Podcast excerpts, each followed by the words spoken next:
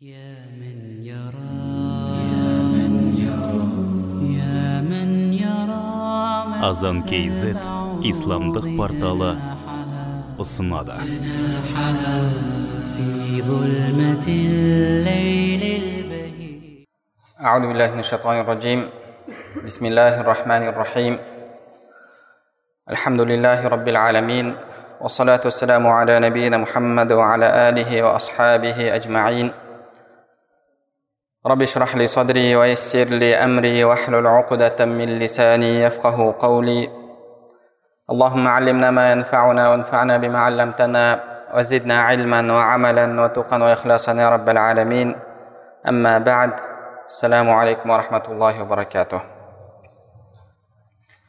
иншаллах алла субханала тағаланың қалауымен нәпсін тәрбиелеу тақырыбындағы дәрістерімізді ары қарай жалғастырамыз біз сіздермен сабырлық және шүкірлік бабындамыз.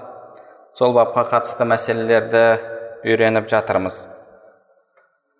Өткен дәрісімізде шүкірлік не не екендігі жайында және адамда шүкірлік болуы үшін бірінші алла тағаланы танып нығметтерінің барлығы алла тағаладан екендігін білу сезіну керектігін және жүректе сол нығметті алла тағаланың бергендігіне қуаныштың болуы және үшінші сол нығмет не үшін жаратылды соған сай әрекет жасау керектігін айтқан болатынбыз. Яғни алла субханала тағала жалпы дүниеде кез келген нәрсені хикметпен жаратты біз білетін хикметтер бар білмейтін хикметтер бар жалпы алла субханала тағала еш нәрсені бекерден бекерге жаратқан жоқ қарап отыратын болсақ дүниедегі хикметтер екіге бөлінеді екен біріншісі анық ашық болған бізге мәлім болған нығметтер мысалы кез келген адамнан күн не үшін жаратылды? деп сұралса ол адам оған жауап береді. Бұл енді барлық хикметі емес біз білмейтін қанша да басқа хикметтері бар. Бірақ бізге ашық анық болған хикметтері күндіз болу үшін жарық болу үшін адамдар өмір сүру үшін енді күн ғайып болған кезде күн батқан кезде түн болады адамдар демалу үшін үйлерінде әлгі түнін өткізу үшін деген секілді. Сол секілді яғни мысалы жаңбырдың жаратылуы бұлттардың жаратылуы бұлардың хикметі жайында адам сұралған кезде негізгі хикметтерін біледі. Ар жағында басқа да хикметтері бар бірақ ол хикметтерді біз біле бермейміз. Ал енді кейбір жаратылыстардың хикметі неде делінсе біз жауап бере алмауымыз мүмкін. Мысалы енді жұлдыздардың жұлдыздардың соның ішінде мысалы кейбір планеталардың жаратылуы басқа аспанның жеті қабат болып жаратылуы тағы да басқа сол секілді мәселелердің сырын немесе хикметін бізден сұрайтын болса біз біле алмаймыз. Жалпы не нәрсенің хикметін білдік сол хикметке сай адам амал етуі керек. Біз өткен дәрісімізде сол үшін келтірген мысал бір адам күндіз егер ұрлық жасайтын болса немесе күндіз басқа бір күнәні істейтін болса күннің жарықтығын пайдаланып ол адам алла тағаланың соған берген мысалы ағза берді қолмен күнә жасады. Алла тағала қолды адамға күнә үшін берген жоқ. Көзді харамға қарау үшін берген жоқ. Ақылды әлгі ұрлықты қалай ұйымдастыру ұйымдастыру үшін соны ойлау үшін берген жоқ. Адам бұл нәрселерді істеген кезде сол қолы болсын көзі болсын ақылы болсын және соған керек болған әлгі күннің жарықтығы күн нығметі сол секілді нығметтердің барлығына күпірлік келтірген болады. Немесе түнді пайдаланып зина жасап жатса түнді пайдаланып тағы да басқа бір күнәларды жасап жатса онда яғни сол күнәні жасауға себеп болған не нәрсе бар соның барлығына ол күпірлік келтірген болады. Жеген тамағының өзі де. Егер оның бойында күш қуат болмаса онда ол әлгі күнәні жасай алмас еді. Әлгі күнәні жасай алмас еді. Енді тағамға күпірлік келтірді. Тағамның шығу себебі бар. Ол үшін яғни жердің болуы керек. Жер мына жақтан жаңбыр оған тағы да айналып келіп әлгі ауа райының қолайлы болуы күн керек болса күн түн керек болса түн. Яғни ол соның барлығына күпірлік келтірген болады. Соның барлығына күпірлік келтірген болады. Оған тамақ керек болды ма? Тамаққа қатысты. Сол тамақтың алдына келуіне не нәрселер себеп болды? Не нәрсе қажет? Соның барлығына бірден күпірлік келтірген болады. Сол үшін де яғни адам жалпы кез келген мәселеде алла тағаланың сол нәрсені жаратудағы хикметін білуге үйренуге әрекет етуі керек және амалы соған сай болуы қажет. Мысалы имам абу хамид ал ғазали рахмаулла мынандай бір мысал келтіреді. Алла тағала алтын мен күмісті жаратты. Алтын мен күміс ақиқатында қарайтын болсақ тастардың бір түрі. Яғни алтын күміс тас екен арпа бидай ас екен демекші ол да бір тастың түрі. Бірақ алла субханала тағала адамдардың арасында ол екеуіне бір сондай ерекшелік берді. Адамдардың заттары жалпы саудада басқада алтын мен күміспен бағаланады. Алтын мен күміспен бағаланады. Яғни бір адамда қой бар көп қой бар. Екінші бір адамда басқа бір нәрсе бар. Мысалы бір жемістің түрі бар. Алма дейік алмұрт дейік. Енді мына адамға алма керек мына адамға ет керек қой керек. Не істейді енді екеуі келіп қойды алмаға ауыстырады ма? Қойды бір қойға бір алма екі қойға екі алма ауыстырады ма? Екеуі бір біріне сай келмейді. Енді екеуінің бағасын білу үшін сол екеуін бағалайтын нәрсе. Ол әлгі алтын күміс. Алтын күміс. Сонымен адамдар өздерінің арасындағы бағанағы алмасатын бір керек болған заттарды бір бірінен алуды алтын мен күміспен бағалайды. Яғни біздің қазіргі қолданып жүрген ақшаларымызды негізінде сол алтын мен күміспен бағалануы қажет еді. Бірақ қазіргі өкінішке орай заманда қазіргі уақытта белгілі бір мемлекеттердің себебімен бұл заңдылық қазір жүзеге аспай тұр. Және бұл негізінде яғни осы алла тағаланың алтын күмісті жаратудағы жалпы яғни өмірдегі заңдылыққа жасалған ең үлкен қиянат болып табылады. Ең үлкен қиянат. Білесіздер қазіргі таңда әлемде бағана экономикада қазір алтынмен есептеуді кейбір мемлекеттер жоққа шығарды. Соның себебімен қазіргі таңда үлкен проблемалар болып жатыр. Яғни негізінде ақшаның өзі де сол сенің қолыңдағы алтыныңа байланысты. Алтыныңа байланысты болу керек. Алла субханала тағала ондай болса алтынды күмісті яғни дирхамды динарды не үшін жаратты? Адамдар бір бірімен яғни сауда саттық жасау үшін сауда саттық жасау үшін және заттарын бағалау үшін.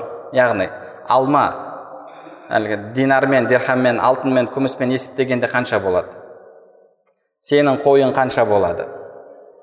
Соған қарай егер бір біріңмен ауыстырғың келсе ауыстырасың.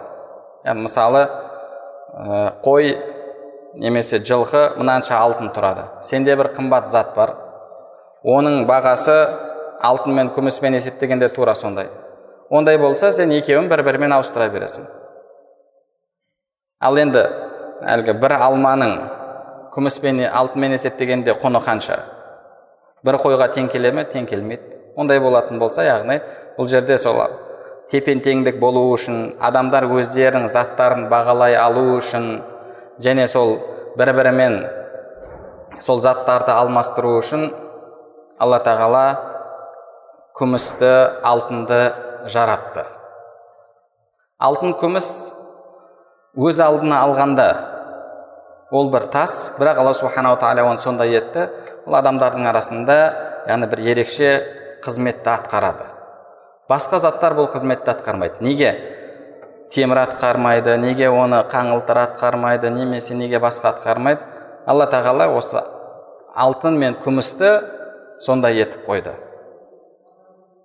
Яғни ол өз алдына ол өз алдына бір жейтін тағам емес басқа емес бірақ кімнің қолында сол болса сол нәрсемен ол басқа нәрселерді бағалай алады және басқа нәрселерге қол жеткізе алады. Бұл айна сияқты. Мысалы айнаның түсі қандай? Яғни айнаның түсі мынандай деп айту қиын бірақ айна барлық түстерді көрсетеді. Алтын күміс өз алдына тас болғанымен барлық нәрселерге қол жеткізетін бір себеп етіп алла субханала тағала ол екеуін жаратты. Яғни алтын күмісті алла тағаланың жаратуынан белгілі хикмет бар. Енді кімде кім сол хикметке қарсы шығатын болса онда ол адам бұған күфірлік келтірген болады. Яғни мысалы алтын күміс өз алдына мақсат етілетін нәрсе емес ол басқа нәрселерге қол жеткізетін нәрсе. Енді бір адам келіп алтын күмісті ақшаны дейік өзін саудаға салатын болса ақшаның өзін саудаға салатын болса бұл адам алла тағаланың нығметіне күфірлік келтірген болады. Яғни процентке ақша беріп жатқан адам. Алла тағала алтынды күмісті оның орнын басып тұрған әлгі ақшаны не үшін жаратты? Арада адамдар бір бірімен зат алмасу үшін яғни арада сауданың жүруі үшін алла тағала оны жаратты. Өзі саудаға түсу үшін емес. Ал мысалы біреуге процентке ақша беріп қойып жатқан адам оның өзін саудаға салып жатқан адам. Ақшаның өзін саудаға салып жатыр. Яғни бұл жерде ешқандай бір тауар бір заттың алмасуы бір бірімен арада сауданың жүруі ондай ешнәрсе болып жатқан жоқ. Бұл адам алла тағаланың сол алтын күміс ақша нығметіне күпірлік келтіріп жатқан адам болып есептеледі. Және сол ақшаны күмісті алып қазынасына салып сақтап қойған адам. Ақшаны. Бұл адамды алла тағала нығметіне күпірлік келтіріп жатыр. Неге? Себебі ақша сақталу үшін жаратылған жоқ. Сақталу үшін жаратылған жоқ. Сол үшін алла субханала тағала құран кәрімде рибаға қатысты не деді?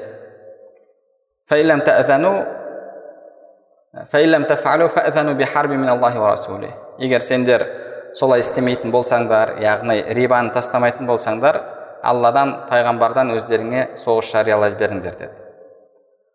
Ақшаны жинап алған оны айналымға салмаған адамға қатысты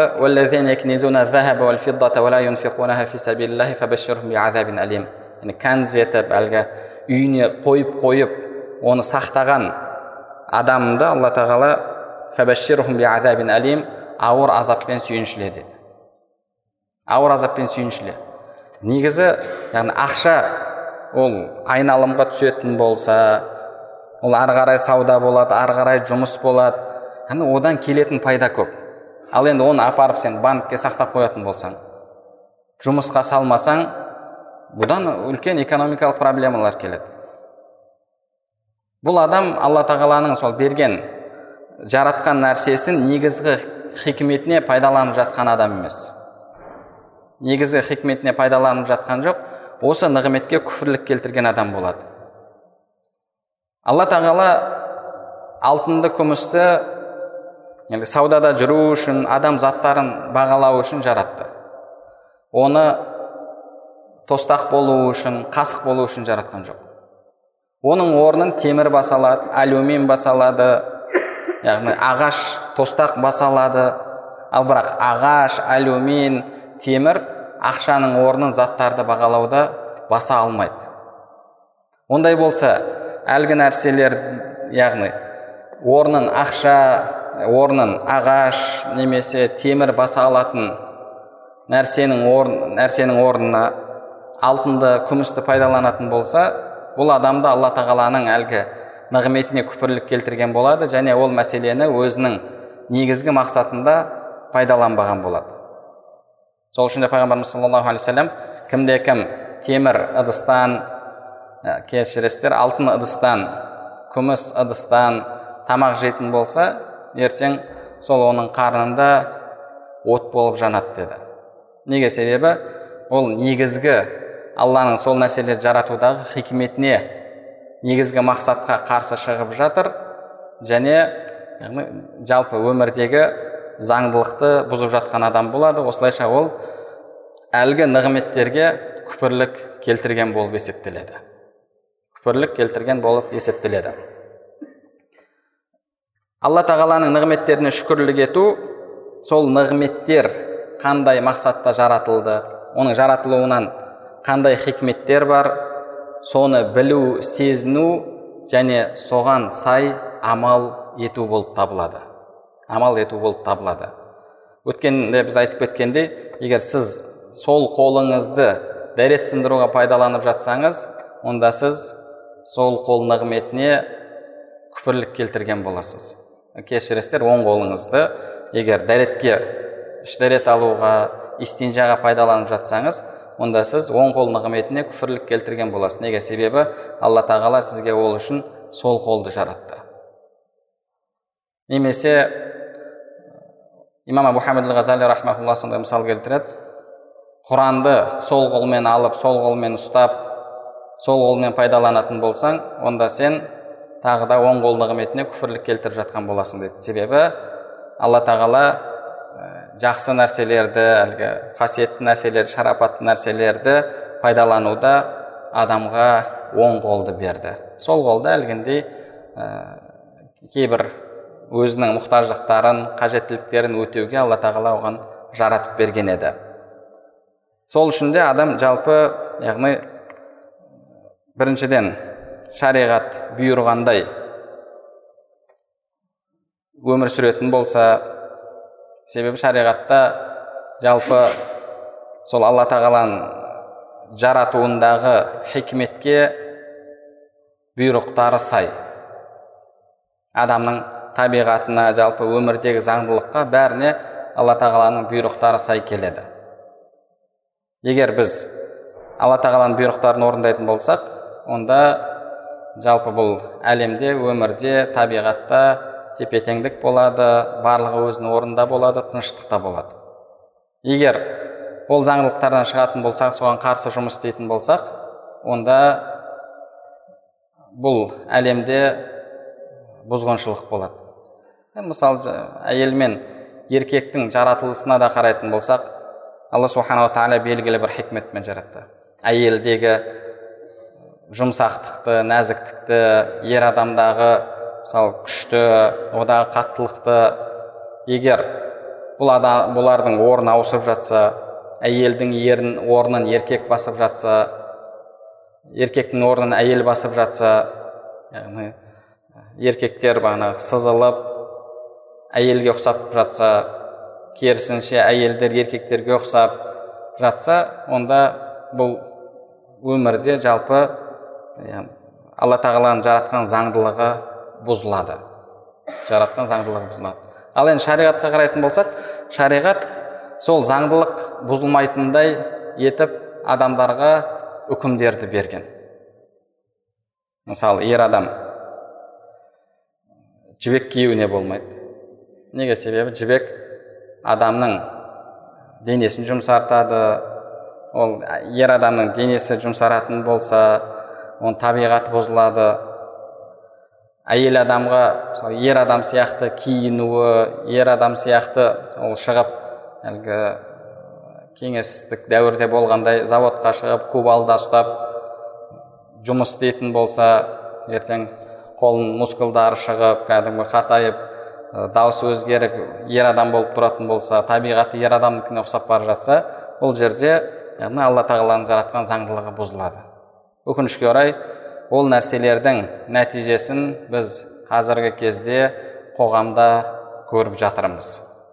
Көріп жатырмыз және дін дұшпандары сол заңдылықтың бұзылуының өзін заңдылық деп қабылдауға адамдар шақырып жатыр кейде соны саяси бір құрал ретінде пайдаланып та жатады. Яғни бірінші адам исламды білуі керек және одан кейін әлемге қарап пікір жүргізіп сол кез келген нәрселердің жаратылысындағы хикметті ұғынуға тырысуы керек. Және соған сай амал етуі керек болады.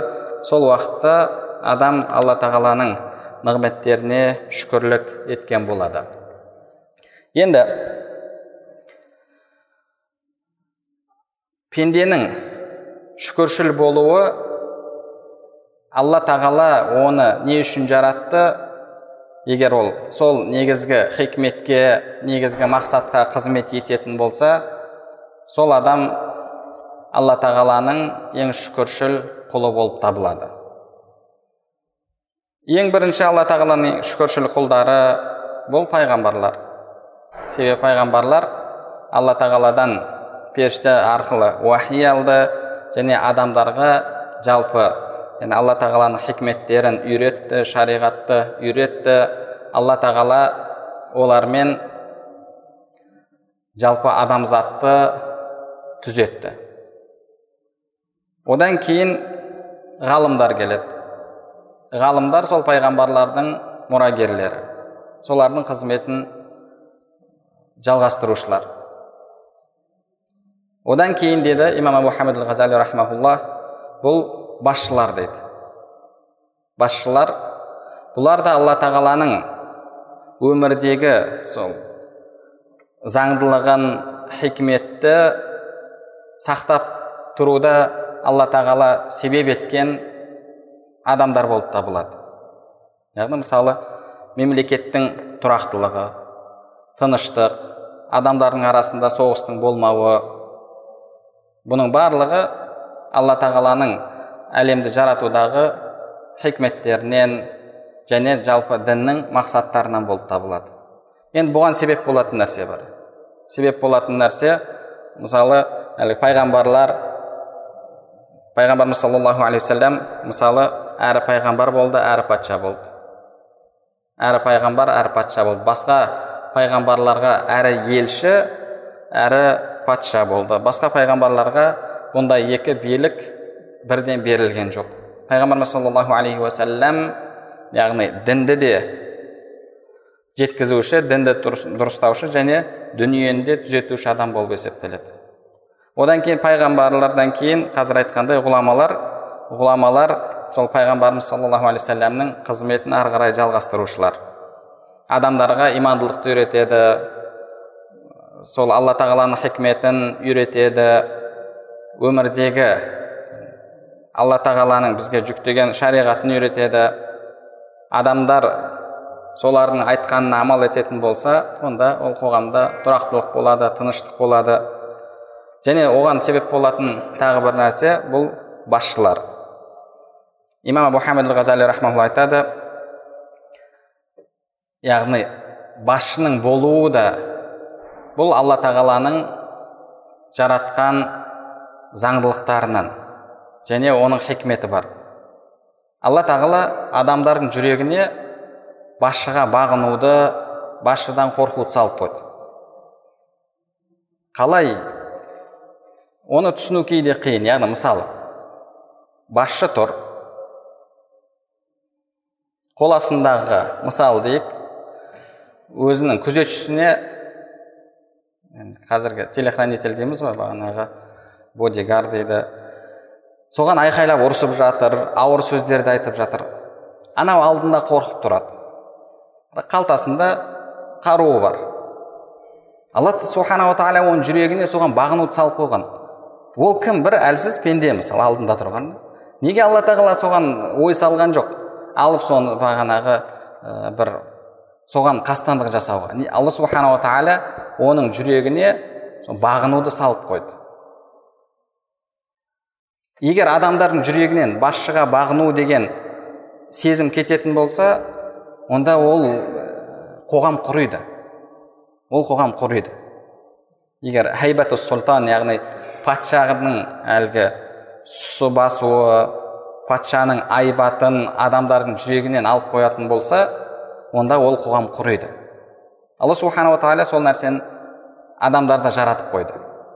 Сол үшін де яғни ол нәрсені кетіруге тырысу жалпы ол мейлі залым болсын ол мейлі пасық болсын басшыға қарсы шығу бұл алла тағаланың әлгі заңдылығына алла тағаланың басшыны жаратудағы хикметіне қарсы шығу болып табылады. Қарсы шығу болып табылады. Сол үшін де амр ибн ас радиаллаху анху айтқан сөз бар. Имамун хайрун мин фитнатин тадум деді. Яғни залым болса да патшаның болуы тұрақты фитнадан хайырлы деді. Тұрақты фитнадан яғни әрдайым бітпейтін фитнадан хайырлы деді. Және абдулла ибн масуд радиаллаху анхуден де сондай сөз келеді ол кісіге адамдар келіп уалид ибн уқба басшылардың бірі соның іс әрекетінің дұрыс емес екендігін шариғатқа қайшы кейбір амалдарын айтқан кезде ол кісі мынандай сөзді айтқан.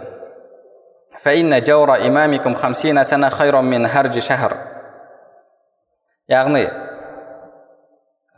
зұлымдығымен болса да бір патшаның болуы дейді елу жыл болсын ол бір айлық фитнадан басшысыз өмір сүруден хайырлы. Пайғамбарымыз саллаллаху алейхи уассаламнан мен мына сөзін естігенмін. Әл имаратул фәжира хайрун харадж бұны имам табарани рахмаулла келтірген. Яғни күнәһар болса да басшының болуы ол әлгі фитнаның тұрақсыздықтың болуынан хайырлы деп айтқан дейді. Мысалы қазіргі уақытта кейбір елдерді қарап көрейік. Мысалы сирия елін қарап көрсек қандай фитна болып жатыр? Қандай үлкен фитна болып жатыр? Адамдар басшысына қарсы шықты. Сол кезде үлкен ғалымдар айтты мысалы шейх мұхаммад сайд рамадан тағы да басқа да ғалымдар айтты қойыңдар бұл істерің дұрыс емес сендер бір белгісіз бағытта кетіп бара жатсыңдар бұл қайырлы бір жақсылыққа алып бармайды деген сөздерді айтты насихат сөздерін. Адамдар оларды түрлі айыптармен айыптады оларды сен сатқынсың деді басқа деді сондай сөздерді айтты. Сөйтіп қарсы шықты оны мына жақтан біреулер келіп ушықтырды оны келіп соңында діни ақида соғысына айналдырды.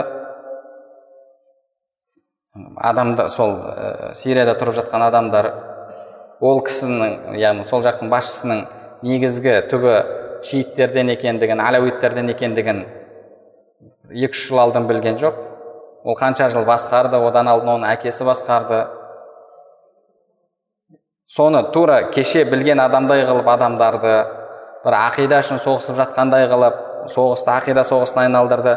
Бірақ қазір қарап отыратын болсақ жағдайды субханалла яғни енді сол сирия елінің осыдан бес алты жылдың бес алты жыл алдыңғы қал, ә, халіне қайту үшін бұрынғы қалыпқа келу үшін енді оларға тағы бір қанша жыл керек.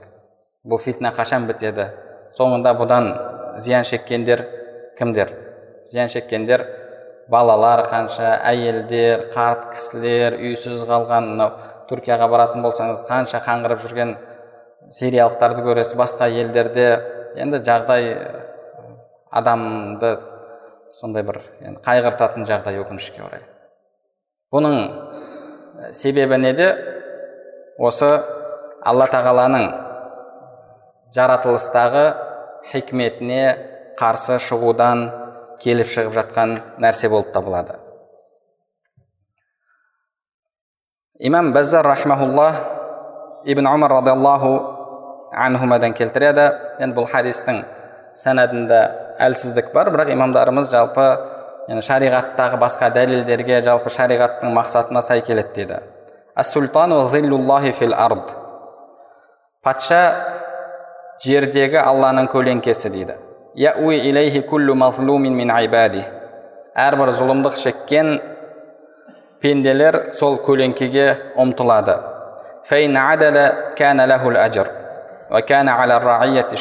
Егер әділдік қылса онда оған сауап болады сол адамға бағынушы яғни халқына шүкірлік ету міндет болады дейді. Егер зұлымдық қылса әділеттік жасамаса онда оған күнә болады. Ал бағынғандарға сабырлық міндет болады дейді. Сабырлық міндет болады.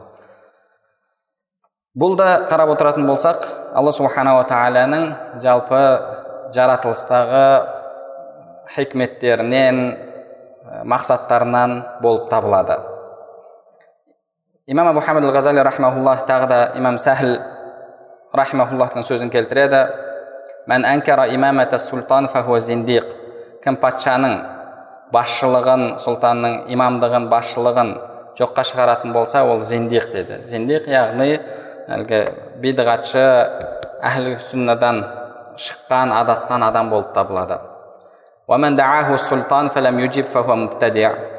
Кімде кім басшы оны шақырса шақыруына жауап бермесе онда ол бидғатшы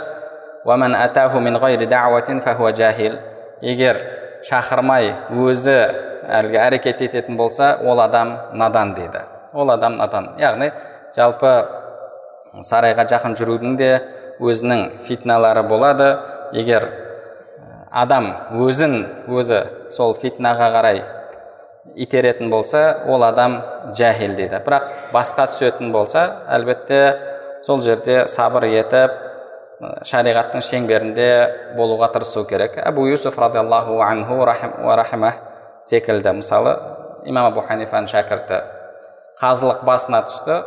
Қазылықта әділдік жасауға тырысты.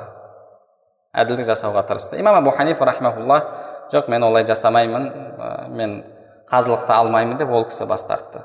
Яғни бұл жерде егер адамның басына түсіп жатса онда шариғаттың шеңберінде амал етуі керек болады. Ал бірақ өзі ұмтылуы бұл имам сәхіл рахмаулла айтқандай жәһіл надандық болып табылады. Яғни бұл жалпы шүкірлік адам жасау үшін не қажет болады? Сол мәселеге имам әбу хамид ғазали рахмауллахтың жасаған қысқаша шолуы. Бұл жердегі мәселе жалпы шариғаттың бұйрықтары шариғат мақсат еткен нәрселер және алла тағаланың бұл дүниені дүниедегі нәрселерді жаратудағы хикметін сезіну ұғыну содан келіп туындайтын мәселе болып табылады. Ал енді адам алла тағала нығметтеріне шүкірлік етуі керек. Нығметтеріне шүкірлік етуі керек. Нығмет дегеніміз не ол жалпы? Нығметтің нығмет екендігін қалай білеміз? Имам мұхаммад ғазали рахмаулла оны білудің бірнеше жолдарын бізге көрсетіп береді. Барлық бұл дүниедегі заттар деді бізге байланысты төрт түрге бөлінеді дейді. Біріншісі бұл дүниеде және ақиретте пайдалы болған нәрселер. Екіншісі бұл дүниеде және ақиретте зиян болған нәрселер. Үшіншісі бұл дүниеде пайдалы бірақ ақиретте зиян болған нәрселер. Төртіншісі бұл дүниеде зиян бірақ ақиретте немесе кейін пайда болған адамға пайда келтіретін нәрселер дейді. Енді біріншісі тақуалық білім көркем мінез бұл анық нығмет болып табылады. Алла тағаланың бізге берген нығметі. Бұл дүниеде және ақиретте де зиян болған нәрселер. Надандық мінез құлықтың нашар болуы адамда тақуалықтың болмауы. Бұл екі дүниеде адамға зиян және бұл алладан бізге берілген нығмет деп қарастырылмайды. Және үшіншісі бұл дүниеде пайдалы болған бірақ ақиретте зиян болған нәрселер. Бұл адамның нәпсісіне жағатын шәһуатына ұнайтын амалдар болып табылады. Бұлар надандар үшін нығмет болуы мүмкін надандар оны нығмет деп есептейді бірақ ол нығмет емес. Бірақ ол нығмет емес. Керісінше ол адамға араб тілімен айтқанда ниқма арабтарда ниама және неқма дейді. Ниама нығмет ниқма бұл адамға яғни азап немесе бір жамандық берілген. Надандар бұны нығмет деп ойлайды және сол үшін қиналады өкінеді.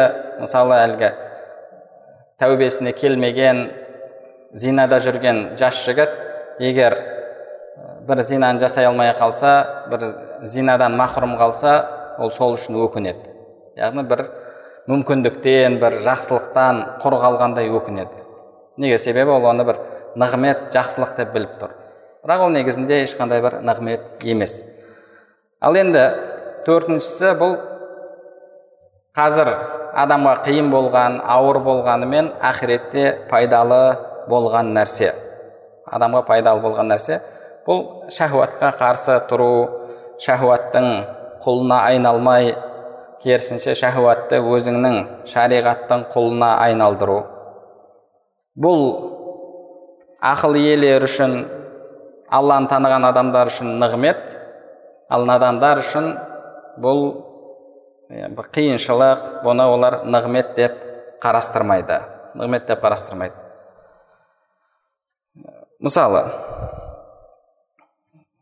сізге біреу өте пайдалы дәрі берді иісі сасық дәмі жаман бірақ денсаулығыңызға керемет пайдасы бар сіз ақыл иесі ретінде оны аласыз әлгі адамға рахметіңізді айтасыз рахметіңізді жаудырасыз алғысыңызды сөйтіп қуана қуана әлгі сасық иісі жаман дәмі нашар дәріні пайдаланасыз бірақ сол дәріні егер сіз балаңызға беретін болсаңыз мысалы балаңыз сырқаттанып жатса балаңыз оны бір азап көреді жылайды сіз оны қинап жатқандай сезінеді. Неге? Себебі ол бұл мәселеде ақыл иесі емес. Тура сол секілді адам ақиретті тануына байланысты бұл дүниеде надан немесе ақыл иесі болып бөлінеді.